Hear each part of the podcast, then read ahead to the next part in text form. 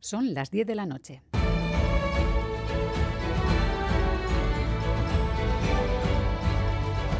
Radio Euskadi y Radio Vitoria. Servicios informativos.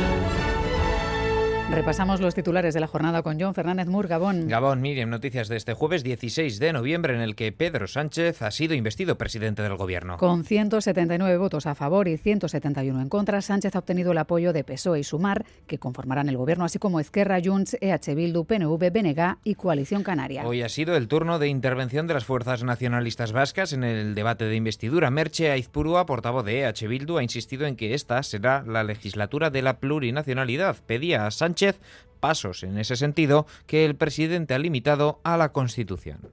Esta debe ser, por tanto, la legislatura de la plurinacionalidad. La legislatura para abrir nuevos caminos. Nuestro único interés es avanzar en los derechos nacionales de nuestro pueblo. Así, en nuestra propia Constitución, la que recoge, por ejemplo, la existencia de nacionalidades y regiones, nos da el camino para poder profundizar en esas ideas.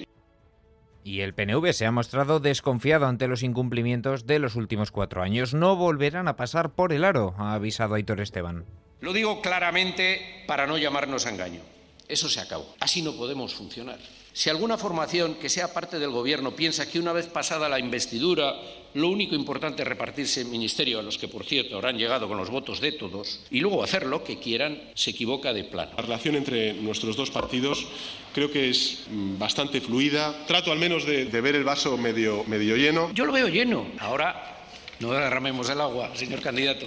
Pedro Sánchez prometerá el cargo ante el rey este viernes a las 10 en el Palacio de la Zarzuela. Un debate de investidura que ha sido caldeado y que se ha visto empañado por la agresión esta mañana a un grupo de diputados socialistas. Sí, agresión que ocurría cuando desayunaban cerca del Congreso. Entre quienes han sufrido esta agresión, dos diputados vascos, Daniel Senderos y María Luisa García Gurruchaga, que relataba así lo vivido. Esta mañana estábamos desayunando un grupo de, diputados. Han empezado a mirarnos, a sacarnos fotos, incluso nos han grabado con algún vídeo. Hemos llamado a la policía y hemos salido de allí con la policía.